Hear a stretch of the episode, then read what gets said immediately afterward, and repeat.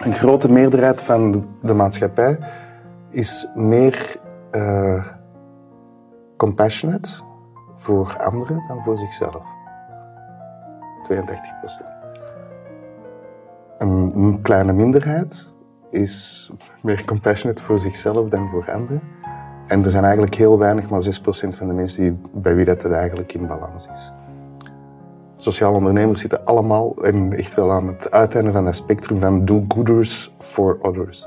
In spite of their own well-being. Je gaat zo meteen luisteren naar het gesprek dat Anthony heeft gevoerd met Bart Weetjens. Het is een gesprek uit 2019, maar het is bij mij zo hard blijven plakken dat ik nu in 2023 besloten heb om er een compleet nieuwe versie van te monteren. Bart Weetjes is een sociaal ondernemer die met zijn bedrijf Apopo uh, ratten trainde om landmijnen op te sporen. Um, heeft daar een, een, wereldwijd een gigantische impact mee gehad op een super kostenefficiënte manier. En hij is er internationaal voor gelauwerd, tot zelfs op het World Economic Forum in Davos. Maar dit gesprek gaat totaal niet over Apopo. Het gaat wel over het project dat Bart daarna startte, de Wellbeing Project, waarin hij onderzoek deed naar het welzijn van sociale ondernemers wereldwijd. Het, is, um, het zijn redelijk ontluisterende resultaten die, die hij daarmee um, heeft ontdekt. En um, de reden dat het bij mij zo is blijven plakken, denk ik, is omdat het over veel meer gaat dan sociale ondernemers alleen. Je merkt het aan de woorden die hij gebruikt om naar die mensen te verwijzen. Hij heeft het over vernieuwers, over uh, wereldverbeteraars, over fellows, over... Ja, ik denk over iedereen um, die de neiging heeft om zichzelf weg te cijferen voor een betere wereld. En ik denk dat als jij iemand bent die die neiging heeft, dat dit een heel um, interessant en troostend gesprek zou kunnen zijn. Um, hou jij ook van troost in donkere tijden, uh, dan kan ik je aanraden om je te abonneren op onze nieuwsbrief. Uh, daarin word je op de hoogte gebracht van al onze nieuwe gesprekken, maar ook van de vele andere dingen waar we mee bezig zijn. Je kan je abonneren via zwijgenisgeenoptie.be slash nieuwsbrief. Geniet van het gesprek. ik, ik, ik heb veel gelezen over u, maar dus als je veel wilt lezen over u, dan moet je wel over Apoppo lezen. dus ik, ik, ga ook niet daar een filter op zetten op daar vragen over staan, maar we kunnen die er wel allemaal uithalen achteraf. Mm -hmm. ja. Maar ja. Uh, ik, ik, ik, wil dan weten waarom starten met de Wellbeing Project en ik kan mij niet voorstellen dat dat niet iets te maken heeft met, met de ervaring die je hebt gehad als sociaal ondernemer hiervoor. Allee, ja, Totaal, me uiteraard. Ervaringsdeskundige zij daar, nee? Uh, ja, denk ik wel. uh, ik behoor zo tot een aantal van die netwerken. Ashoka is daar één van, het grootste netwerk. Uh, Skoll ook. Skoll is ook zo'n netwerk. Dat is wel een heel exclusief netwerk. Mm -hmm. Er zijn er maar 104 van die awards gegeven. Maar dezelfde dingen, zoals in Skoll, als in Schwab, als in Ashoka het is dezelfde DNA van een sociaal ondernemer. Do-gooders, mensen die de wereld willen veranderen, um, riskeren nog meer dan anderen in burn-out, depressie, in allerlei toestanden te geraken we eigenlijk die, die niet voor het resultaat staan dat we behoren. Mm -hmm. En de statistieken zijn ook uh, ongelooflijk. Je hebt uh, 55 tot 65 procent van sociale ondernemers die burn-out, depressie, op, daar, op die rand wandelen. Mooi. Um, de Schwab Foundation for Social Entrepreneurship heeft een survey gedaan. Daaruit bleek dat 85% van de fellows uh, afhankelijk is van ofwel een of andere substance, alcohol of medicijn, om s'avonds hun dag te downwinden.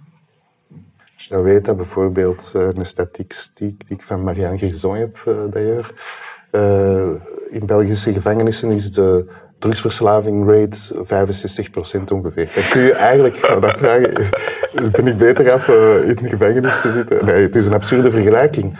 Maar het zegt wel iets over hoeveel druk daar is en mm -hmm. hoe weinig ruimte er is binnen sociale vernieuwing voor de persoon en voor het welzijn van de individu. Terwijl als je het mij vraagt, uiteindelijk daar gaat het allemaal om. Mm -hmm. Het gaat om het creëren van een wereld een duurzame wereld waarin er plaats is voor elk en iedereen. En de sociale sector heeft veel te lang gekeken naar alleen maar resultaat, naar schaal, naar strategie, impact, duurzaamheid van de modellen enzovoort. Uh, meetbaarheid van die dingen, terwijl wat is sociale vernieuwing? Waar, waar gebeurt dat? Uh, gebeurt dat in het eindresultaat van, hè, waar dat we toch nu wel 30 jaar geschiedenis hebben van sociaal ondernemen, dat er meer dan 3000 Ashoka Fellows zijn erkend. Maar als je dan al die modellen in detail gaat bekijken, is uh, de uiteindelijke impact marginaal tegenover wat er mainstream wordt gedaan. Mm uh, en ja, daar, daar kun je ofwel depressief van worden, wat in veel gevallen van, van sociale vernieuwers zo is. Maar het is een groot risico voor het verliezen van hoop. En ik denk dat daar ook de waarde zit van het kunnen connecteren met andere fellows, met andere wereldverbeteraars. Hè, om het zomaar mm een, ander label op te zetten. Um, ja, vandaar inderdaad de Wellbeing projecten. Ah, wel, ja, ik had het nog nooit op die schaal bekeken. Van, van... Mij lijken naar Shocka Fellows altijd mensen die juist het meeste hoop hebben of zo. Uh, wel, we Omdat ze effectief bouwen aan de oplossing, weet je, dan denk ik, ah, dat moet toch. Ja, we, wel, we stralen dat uit door ons werk. Hè. En dat werk mhm. inspireert en inderdaad, ja. Maar eh, de, bij heel veel fellows zit daar een, een, een verhaal achter van, uh, ja, van gebrek aan duurzaamheid. Uh, ja, allerlei. Hè. Dus tot zelfs zelfdoding hè, zit daar ook bij. Hè.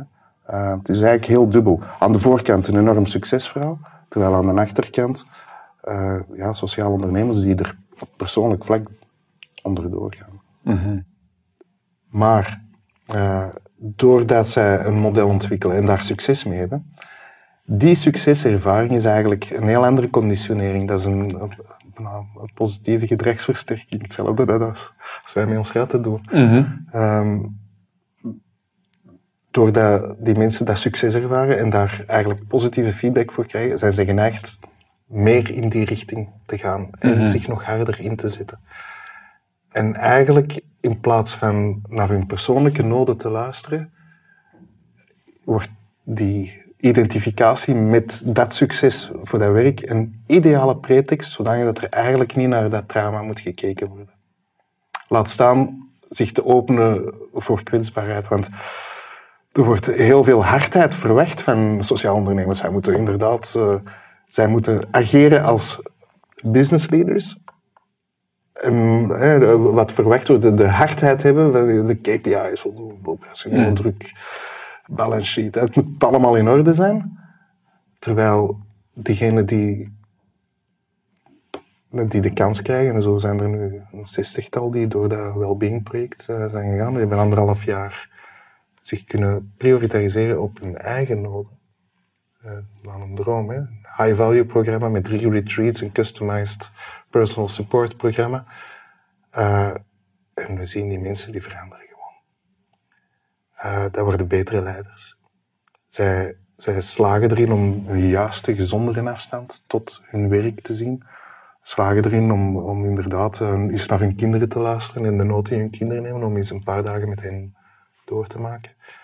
Um, in een werkomgeving slagen zij erin om in any given situation onder te zijn, om meer aanwezig te zijn in het moment, om dieper te luisteren naar wat er de noden zijn van dat moment, om ook uh, gemotiveerdere beslissingen kunnen nemen en, en meer groepsbeslissingen gedragen door de groep. Um, zij slagen erin, doordat zij dieper kunnen luisteren, ook meer vertrouwen bij hun staf te creëren. En dat geeft een groter engagement van staf, minder burn-out, minder staff turnover. En dat kan zo simpel zijn als bijvoorbeeld de simpele afspraak.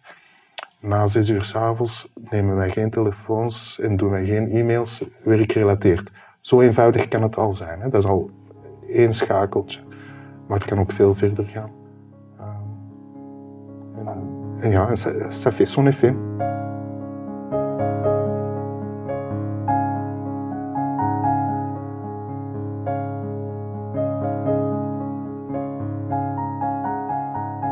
als, als je naar die 30 jaar historiek kijkt en je zegt ja, de impact van dat geheel aan sociaal ondernemerschap is marginaal als je kijkt naar waar, dat de mainstream naartoe gaat.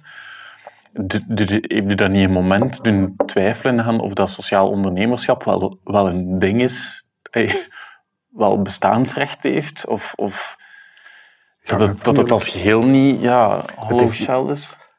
Eh, oh nee, zeker niet. De, de initiële motivatie, de, de intentie van sociaal ondernemers Ja, ja. Is, is heel nodig. Het- overheden en business kunnen oplossingen niet alleen geven. Nee? Eh, ik denk het niet, nee. Ehm, waarom? eh, kijk nu bijvoorbeeld een, een boîte eh, waar, ik, waar ik ook toe behoor, de World Economic Forum. Eh, wel, ik, beschouw het als een... eh, ik ben daar een... eh, Paard van Troje.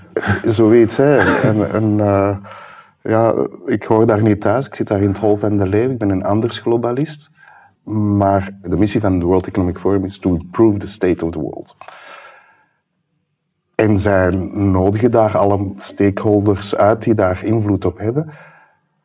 Waarom hebben zij daar een groepje van 300, eh, het is tussen de 300 en de 400 sociaal ondernemers bij betrokken? Eh, ook omdat dit zijn bakens van hoop. Het zijn voorbeelden van hoe een maatschappij wel op een duurzame manier kan uitgewerkt worden. Hoe merk je dat als je dat zei in, in, de realiteit? Eh, het is- Merk je dat in hoe dat er naar u gesproken wordt of wat dat er daar van u gevraagd wordt om... Ja, eh, ik verwijs naar mijn ervaring in 2008 als ik daar ineens erkend werd als Social eh, Entrepreneur of the Year in Global Category. Dan word je ineens naar Davos uitgenodigd en sta je daar voor die eh, bedrijfsleiders van de, van de Fortune 500 en, en, en de ja, staatshoofden enzovoort. Cool. Cool, ja, dat heeft natuurlijk wel iets, maar tegelijkertijd ook vraag je je af, wat sta ik hier te doen? Ehm, wij hebben een, allee, toen, en aan die oplossing wordt voortgewerkt, maar wij hadden toen ehm, met ons werk een duidelijke, kosteffectieve manier om, om, eh, ja, om een betere wereld te creëren. Eh, terwijl ja, je komt daar soms dan toch wel met een koude douche van terug. eh, als je verwacht van daar waar het geld zit, om daar dan de middelen te vinden om je werk een schaalvergroting te kunnen. Eh, dat lukt toch zo niet, maar, niet zomaar. En ja, heel veel van die sociale ondernemers die zeggen ook van ja, ik doe er niet meer aan mee. Eh, ik ga er niet meer, want eigenlijk dient het vooral Ja, ja. hun. Ik ben daar als een pop, word ik on stage gezet. Het is, het is niet dat je daar dan staat en dat je daarna veel meer... eh, of dat daar 100 man van die 500 zegt van "Oké, we gaan daar wat cash in steken. Dus, eh, Nee, nee sorry. Ehm, Zelfs niet met een oplossing die dus eigenlijk aantoonbaar kostenefficiënter een duidelijk wereldprobleem oplost. Zelf dan wel, heeft dat niet dat... nee. Niet noodzakelijk. Ja, het is, het is Dat is wel redelijk... eigenlijk. Ja. Dat, ik, ik snap dat eigenlijk niet goed. Wel, de systemen rond macht, rond geld zijn zo solide en zo ehm, geïsoleerd ehm, dat veel van die mensen dat gewoon niet zien. Maar ik zou denken dat vanuit, zelf vanuit eigen belang dat ze zouden investeren in dat soort oplossingen. Gewoon omdat het, eh, zoals dat gezegd, je hebt een kostenefficiëntere manier gevonden dan degene die bestaat om een probleem op te lossen. Daar zit toch, het sociaal ondernemerschap is toch net winst kunnen maken, lijkt mij, met dingen die de wereld met zaken die de wereld verbeteren. Dus als, als iemand dan die Holy Grail vindt, dan, dan staan er toch aan de rij mensen die zeggen van oh ja, daar wil ik in, in meedoen. Eh, inderdaad, grote rijen mensen, enorme populariteit. Mensen willen daaraan meewerken en dat is fantastisch. Maar als het gaat over, over Harde cash. Ja, dan zijn andere wetten en andere logica die rond geld en macht spelen dan sociaal. Ik zou zelf zeggen, er is een heel spanningsveld tussen die twee, waar het een gaat over machteloosheid. Sociale vernieuwing gaat over nederigheid, over dienstbaarheid. Eh, eh, en het is eigenlijk een tegenpool. Amai. Is dat verrassend? Ja, ik denk oei. ja, ja ik vind dat... Ik vind dat ehm, ja, ik vind dat wel slecht nieuws. Ja, en toch mogen we de hoop niet verliezen. En vandaar het belang van spiritualiteit. Eh, Het is een beladen term. Ja, nee, ik- ja, ik snap het. Maar het gaat eigenlijk over geestelijke ontwikkeling. Vandaar dat dat zo belangrijk is. In mijn geval, als ik geen zenpraktijk had gehad, denk ik niet dat ik de richting zou uitgegaan zijn in mijn leven, dat ik de keuzes zou gemaakt hebben die ik gemaakt heb. En die dan als consequentie hebben gehad dat ik als sociaal ondernemer erkend ben. En goed, zen is één voorbeeld.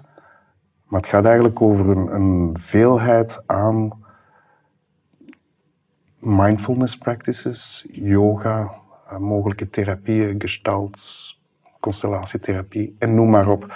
Er is een hele wire van mogelijke dingen die wij kunnen doen om, het, om ons te helpen om het duidelijker te zien. Ja, ik, moet, ik, ik, blijf in mijn hoofd nog wat steken in als, als je al die dingen, trek het in clichés hè, om, het, om, het, om, om het te kunnen eh, uitleggen, als, als je al die dingen nodig hebt zeg maar, om overeind te blijven als sociaal ondernemer, sociaal ondernemer en je ziet de, de beperkte eh, impact van het sociaal ondernemerschap als geheel, ja, heeft het nog wel bestaan. Dat blijft bij mij zo wat zitten nog. Heeft dat nog wel ik snap het als, als baken van hoop. Dat is dan, dat is dan bijna een soort eh, marketingfunctie die eraan zit. Hè? Zo de, de, de, kracht van het verhaal. Ehm, maar eh, ja, ik dacht eerder dat het, dat het niet alleen het verhaal is over de oplossing, maar dat, dat het echt de oplossingen waren. En dat als iemand die vond, dat dan net omdat sociaal ondernemerschap is, dat het ook financieel beloond werd, waardoor dat er zo een soort hè, kosmische rechtvaardigheid bestaat. Van, eh, als je een manier vindt om en geld te verdienen en de wereld beter te maken, dan is iedereen mee. Wel, er zijn een aantal voorbeelden waar dat inderdaad ongeveer zo is. Hè. Eh, ja, eh, akkoord. En sociaal ondernemerschap is uiteraard veel meer dan alleen maar een baken van licht of hoop te zijn voor anderen of een inspiratie te zijn voor anderen. Nee, het zijn echte oplossingen. Mensen zoals bijvoorbeeld een Arnoud Raskin, die, die slaagt daar perfect in om zo'n hybride model op te zetten en dat te vermarkten en tegelijkertijd die impact te creëren. En er zijn nog voorbeelden. Hè. Andreas Heineken in Duitsland, die eh, bijvoorbeeld eh, blinden te werk stelt en eigenlijk van hun beperking eh, een asset maakt door hen, eh, ik weet niet of je dat kent, Dialogue in the Dark. Dus hij, hij organiseert een, bijvoorbeeld een restaurant. Je wordt geblinddoekt als ziende, je ziet niks meer. Je komt in een, een volledig donkere ruimte en wordt dan, dat is een restaurant waar je bediend wordt door minder en slechtzienden. Eh, die natuurlijk in de donkere wel hun weg weten. Ja. Maar je voelt je ineens als eh, bekwame, eh, volledig afhankelijk. Hè? Eh, Dat soort van, van dingen. Hij heeft daar ook een economisch rendabel model, of toch duurzaam model rond gebouwd. Maar hij is een uitzondering. Ja. En dat daardoor de mainstream helemaal meeplooit en meegaat, mm, daar zijn niet zoveel voorbeelden van. Er zijn er, hè, maar niet zoveel. De, de grote meerderheid van sociaal ondernemers eh, blijft in een bijna constante fight and survival mode. En, eh, wa- waarbij de, heel veel van hen zo ook nooit naar de toekomst gepland hebben of eh, nooit in hun pensioen voorzien hebben. Of, zijn tamelijk wat voorbeelden hoor. Ja, het is, het is zo... Het is op voorhand, je ziet zo gewoon al die... Je, je ziet al die prijzen die je hebt, of die, die fellowships. Hè? En dan, dan, dan heb je gewoon... Die creëren ook zelf in een verhaal een bepaald beeld van... hè, Als we zo iemand verkiezen, het is niet per se dat dat daar staat, maar dat straalt dat wel uit. Van dan steekt er zo... You, you cross the chasm, en vanaf dan... Het, zo lijkt het wel, hè? Ja. Van, oh, ja. Die hoeft zich geen zorgen meer te maken. Zo, allee, dat- ja, de realiteit is echt anders. Eh, ja, die mensen zijn al door een heel parcours gegaan voordat dat ze aan die erkenning ja, ja, ja. En, goh, en die erkenning, dat is eigenlijk... Daar gaat het voor een sociaal ondernemer Nee, nee, nee, nee. totaal niet. Vandaar, ik, ik geloof veel meer en meer in... eh, en dat is waar ik me nu ben aan het heroriënteren, dat sociale vernieuwing hangt niet zozeer af van welk model dat je hebt. Uh, of, of je, welke structuur dat je hebt, maar hangt veel meer af van de manier waarop je relateert met jezelf, hoe je met collega's kan samenwerken. Uh, en de mens is daar echt wel centraal. Dat is, je moet denken aan everyone a change zo wat de slogan die visie, hè, van... die, ja, die visie is zo gek nog niet hoor. ja, ja, ja dat, maar dat, dat, dat effectief gewoon niet per se wat dat die doen, dat je daar een status aan verleent, maar Het is inderdaad veel meer in het zijn en in het hoe we zijn dan in wat we doen. ja, dat is echt iets spiritueel. Hè? Ja. Ja, in die zin wel, maar nogmaals, spiritualiteit Ja. heeft zo'n beladen... Ja, Ja. Iedereen vindt ons wollig, dus... Dat mag, hè? ja, voilà. dat is oké. En ons erbij neergelegd.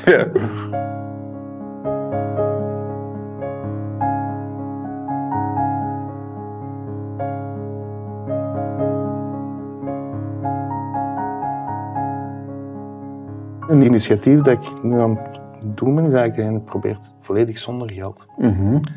En dat lukt natuurlijk niet. maar Dat had je wel kunnen weten. Hè. ja, hè?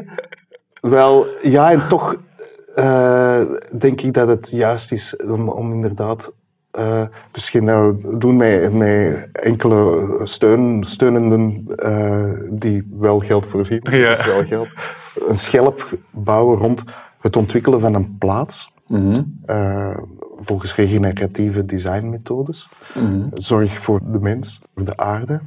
eh, in zelfduurzaamheid en eigenlijk het delen van surplus. Dat zijn eigenlijk de drie ethische principes van permacultuur.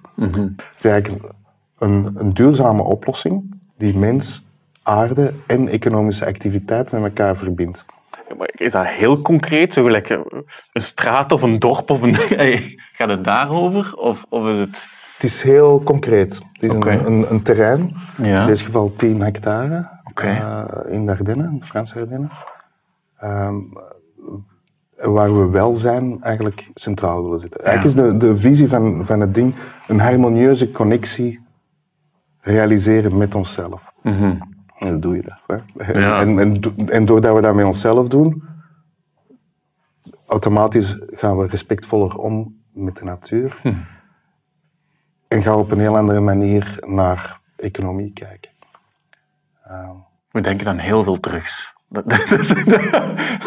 Eh, dat kan daar deel van uitmaken. hè, eh, op een sociale manier eh, samen een pintje drinken of zo. Of, of wat bedoel je? ja, ja, nee, ik zat meer aan de jaren zeventig te denken en zo wat. Ah, ja, ja. Dus eh, de- inderdaad, het geitenwolle sokken. eh, Ja, eh, Wel, communes.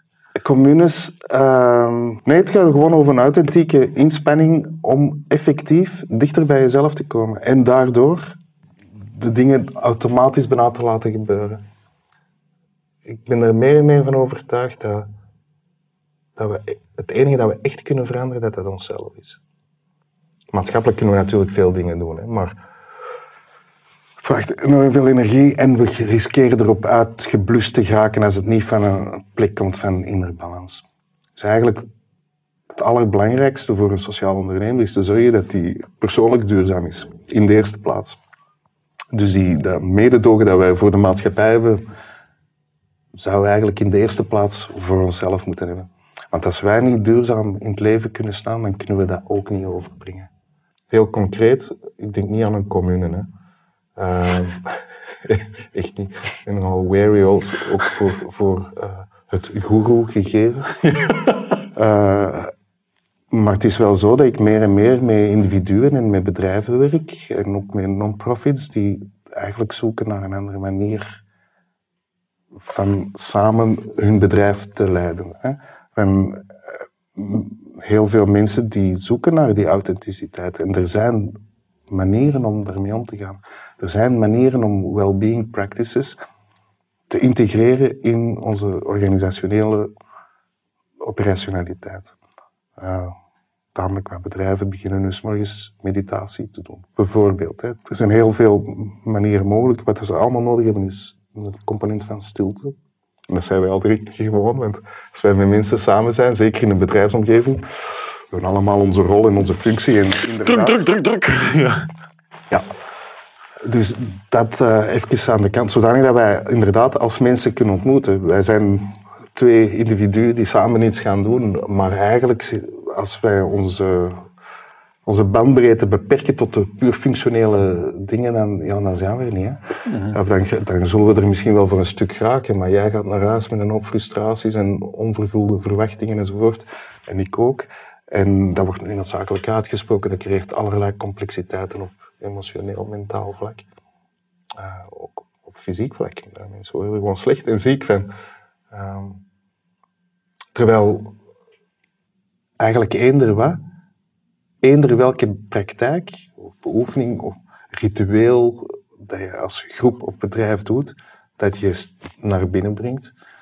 Morning check-ins, evening check-outs, waar mensen gewoon even samenkomen. Zonder onderwerp, maar gewoon eventjes samenkomen. Al gaat het maar over tien minuten.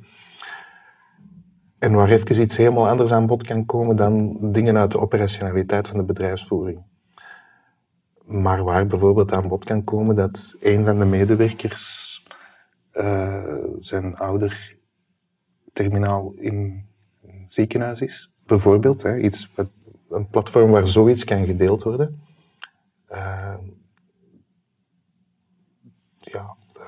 dat, creëert een heel andere kijk op werk. Mensen voelen zich heel anders dan, dan die ene collega die daar precies aan het rouwen is, maar niemand die eigenlijk durft tussenkomen of een vraag stellen. En, eh, nee, als je dat formaliseert, als daar duidelijke afspraken rond gemaakt worden, in eender welke groep of bedrijf of organisatie, dan gebeuren er wonderen.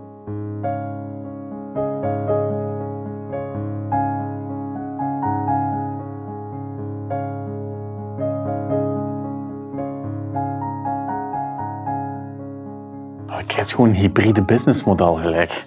Mocht je dat nu verkopen, hetgeen mm -hmm. de Wellbeing Project aanleert, er is nood bij mainstream business aan dat soort, ik ga het opleidingen noemen, foute termen.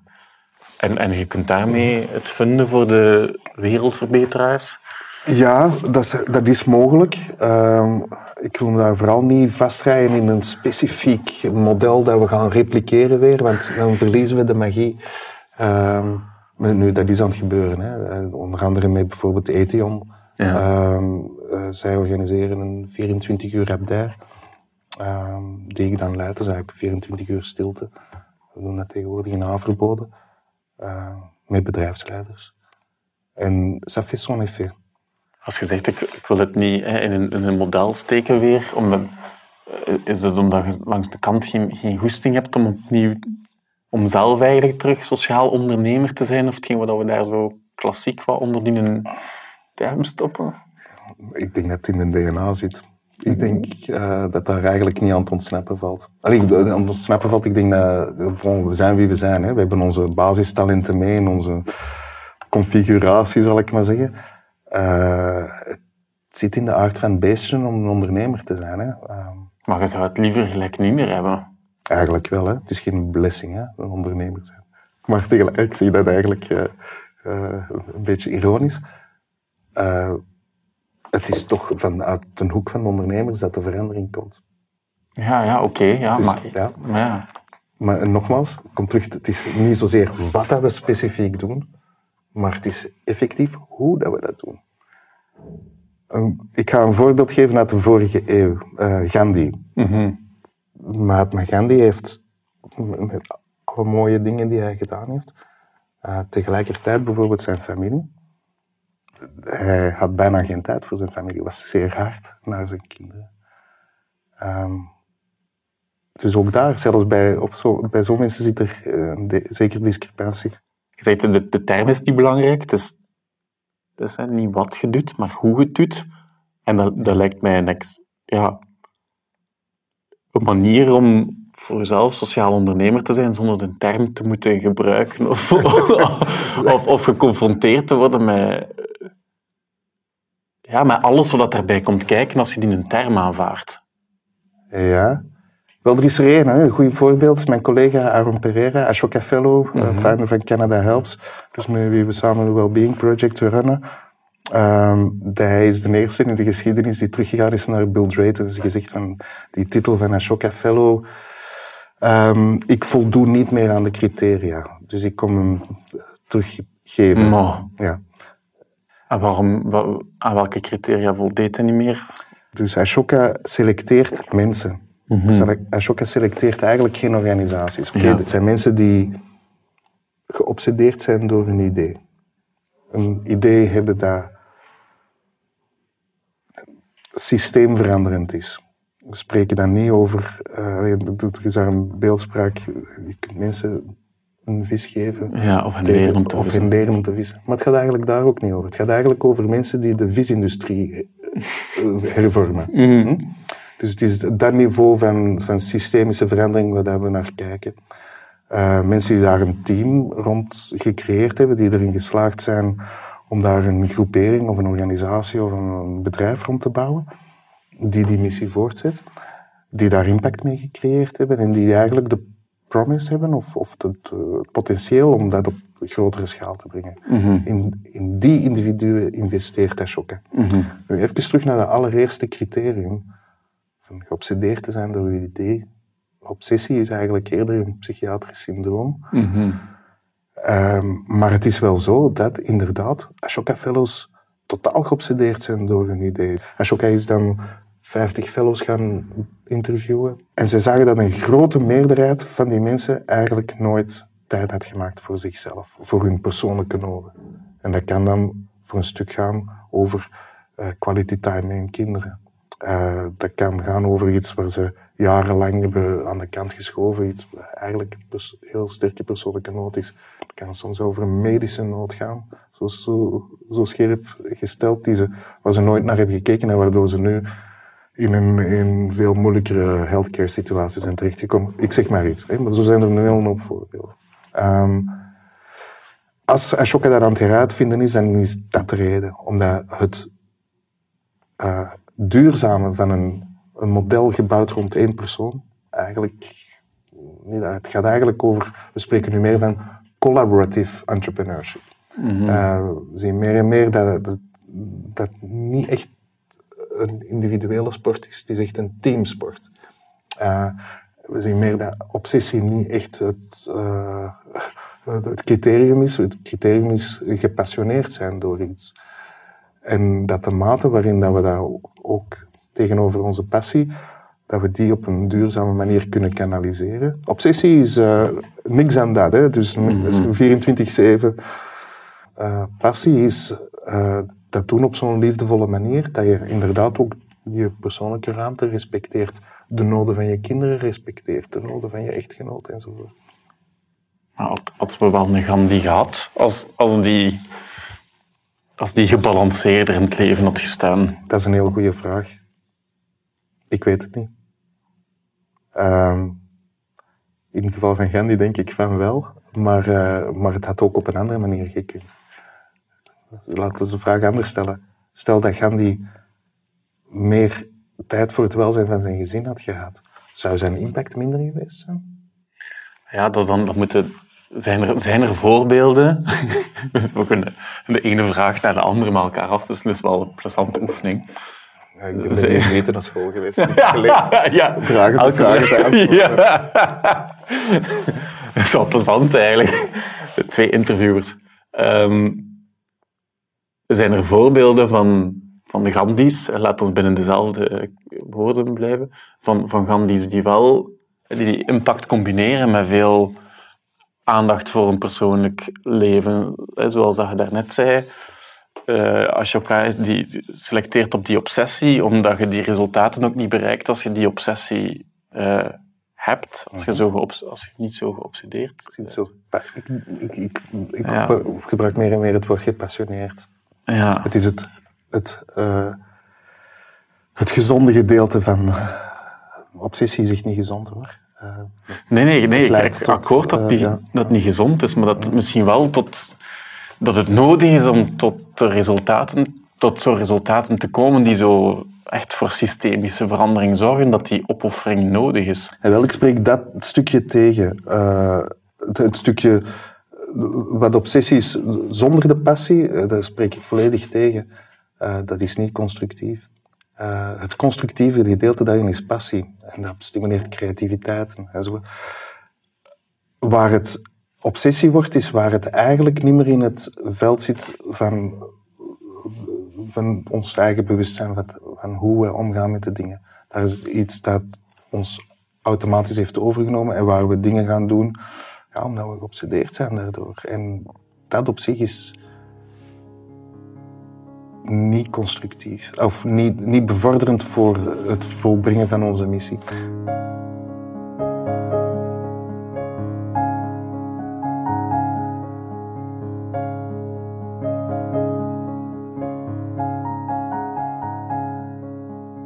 Mag ik het zo op flessen trekken dat je zegt van... Doe het, zet het op een fles, zet er een Ja. etiket op. Ja, Welzijn is noodzakelijk. ja. Maar dat als, je, als, als een Shell het spiritueel kapitaal van zijn onderneming zou verder ontwikkelen, dat we redelijk snel een organisatie... dan, liquideren ze zichzelf. Dat is ook een oplossing. Maar dat, Ja. dat ze 100% of zeer veel meer zouden inzetten op duurzame energie. De- zie- Mag, mag je die link maken? Is dat de link waarin dat je gelooft? Totaal, totaal. En ik doe zo, maar dat gaat dan eigenlijk over hun, hun- De oude Shell. oude, oude, oude Shell. Als het gaat over hun toepassing, ja, dan inderdaad, als zij, als zij zich zo kunnen transformeren, wat dat ze trouwens aan het doen zijn, om inderdaad volledig duurzaam te zijn, dan ja, dat is een heel ander gegeven. Ze hebben nog tamelijk wat andere challenges natuurlijk, maar... eh, een ander voorbeeld uit het bedrijfsleven, eh, Patagonia. Eh, wel, zij stonden op een bepaald moment voor een keuze. Ofwel, ja, ze, ze hadden minder winsten en ze zouden eigenlijk 200 mensen moeten ontslaan. En wel, zij hebben als bedrijf samen gekozen om dat niet te doen, om iedereen een klein beetje minder eh, inkomen te geven en eigenlijk die 200 mensen mee in het bedrijf te houden tot zo'n beslissing kun je alleen komen als je inderdaad dat soort van bedrijfscultuur ontwikkelt. Als de mens en de menselijke nood centraal kunnen gesteld worden, ja, dat is echt wel nodig. Eh, als dat niet is, ik durf zelfs zeggen, als dat niet is, dat de mens en de menselijke nood dan is het eigenlijk niet duurzaam. Dan is, dan, ja, eh, want eh, ik, dus die menselijke nood, dat is ook de nood aan een goede natuur. Hè? Dat is ook de nood aan zuivere lucht. Eh, dat is ook de nood aan duurzame aarde voor de volgende generaties. Hè? Mhm. Ja, ja. Als, als, je, als je gelooft, als je dat fixt, zeg maar, Ja. Dat je heel veel andere dingen vanzelf ook fixt. Dus dan wordt het het one thing to fix.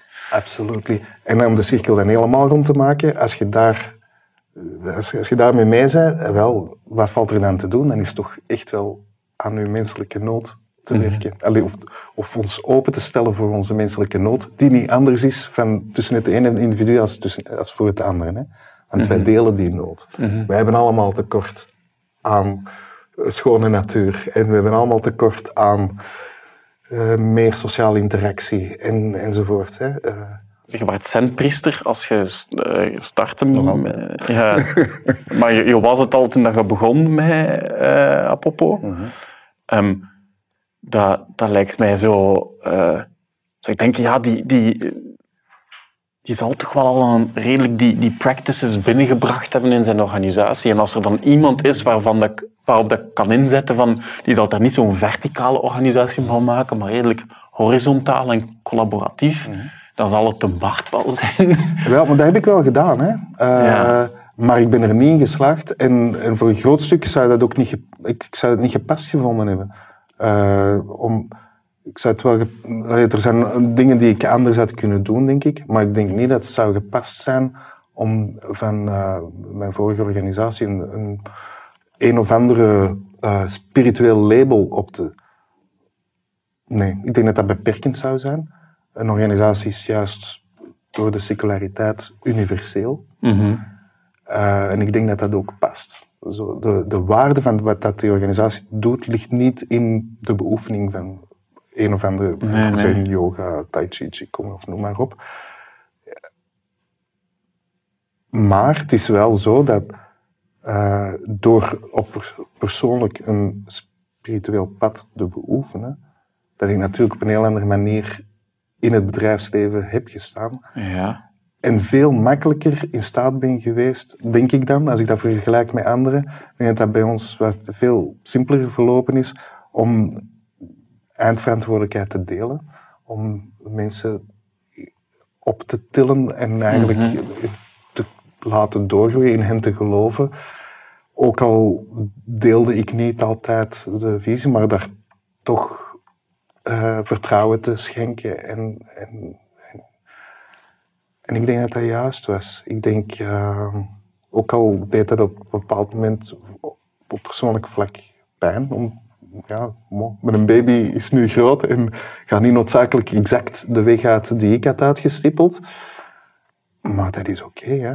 Uh, het, dus het, loslaten van van onze gehechtheden.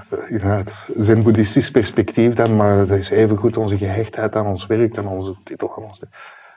Um, ik denk dat dat voor mij een veel makkelijker proces is geweest mm -hmm. dan voor vele anderen die ik daarmee zie struggelen. Uh, ja. Maar dan, zie ik het, dan zag ik het verkeerd dat het, hetgeen wat je nu aanraadt aan andere organisaties of probeert binnen te brengen in de wereld, dat dat dat dat ook een stuk een retroactieve oplossing was geweest voor wat er daar gebeurd is. Snap je? Dat je niet had moeten loslaten als je dat had kunnen toepassen in die organisatie. Wel, ik geloof nog altijd dat het gezond is om inderdaad dingen los te laten, een exit mm -hmm. te plannen en uh, van dingen niet te laten afhangen van personen. Ja. En daar denk ik dat het misschien iets makkelijker is om vanuit een spirituele traditie uh, om dat, uh, om dat juister te zien. Wat de, dus om een overidentificatie met mm -hmm. bedrijfsleider, sociaal ondernemer of eender welk label, mm -hmm. uh, huismoeder. Uh, even, goed kan even goed een label zijn. Hè? Um, om, nee, om, om, ons meer als een geheel persoon te zien. En ja, er is iets in ons dat het is altijd makkelijker uh, de systemen, de dingen buiten, de fenomenen die zich voordoen te bekijken dan de fenomenen en systemen die we intern hebben ontwikkeld, van, die te bekijken.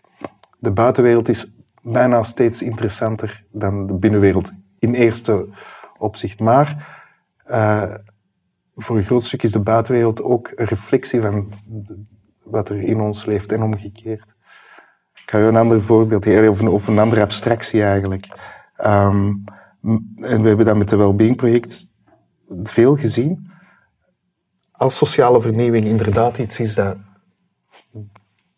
eigenlijk voor een groot stuk intern gebeurt. Hm? Um, zou het mogelijk zijn dat wij al ons sociaal engagement, onze wereldverbeterende acties, onze uh, Artsen zonder Grenzen, Amnesty International en noem maar op, alle initiatieven die we hebben voor een betere wereld. En ik, zich doelbewust te. Zou het mogelijk zijn dat we in dat sociaal geëngageerd werk dat wij doen, dat wij daar onze twijfels, onze, onze kwaadheid, uh, eigenlijk onbewust in meedragen. Dat we eigenlijk uh, ons engageren op een manier dat al die onverwerkte dingen daar zijn en dat dat zelfs een drive is van wat we doen, maar dat we daardoor eigenlijk ook op een onbewuste manier dat voortzetten in de maatschappij.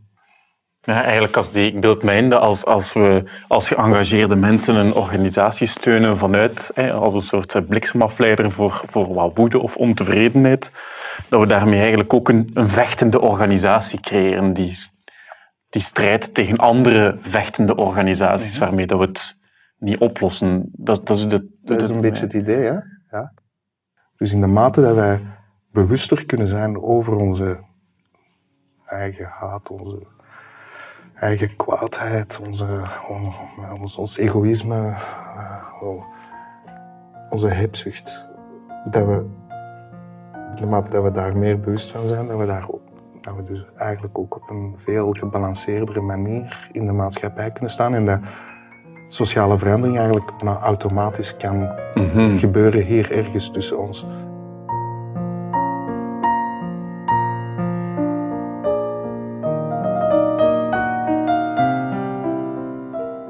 Ik vond het ontzettend interessant om in zo'n vier jaar oud gesprek te duiken en om te merken dat de, de inzichten van dat gesprek vandaag veel meer binnenkwamen dan, dan, dan toen. Um, het deed me beseffen dat. Ehm, de zorg en de tijd die wij in elk van onze gesprekken steken enorm belangrijk is. Zowel in de voorbereiding als in de ontmoeting met die mensen, als in de montage, als in de manier waarop we die gesprekken de wereld insturen. Um, vind je dat ook belangrijk, dat wij die zorg en die tijd uh, kunnen nemen? Dan kan je ons steunen. Meer info daarover vind je op zwijgenisgeenoptie.be slash steun-ons. Ik wil ook nog graag Olga bedanken van Supergoods. Dat is een duurzame ecologische klerenwinkel in Gent. Um, dankzij Olga zitten wij hier altijd netjes ecologisch aangekleed aan tafel. Uh, en ik wil ook nog graag jou bedanken om te kijken, om te luisteren en om te delen. Dank u wel.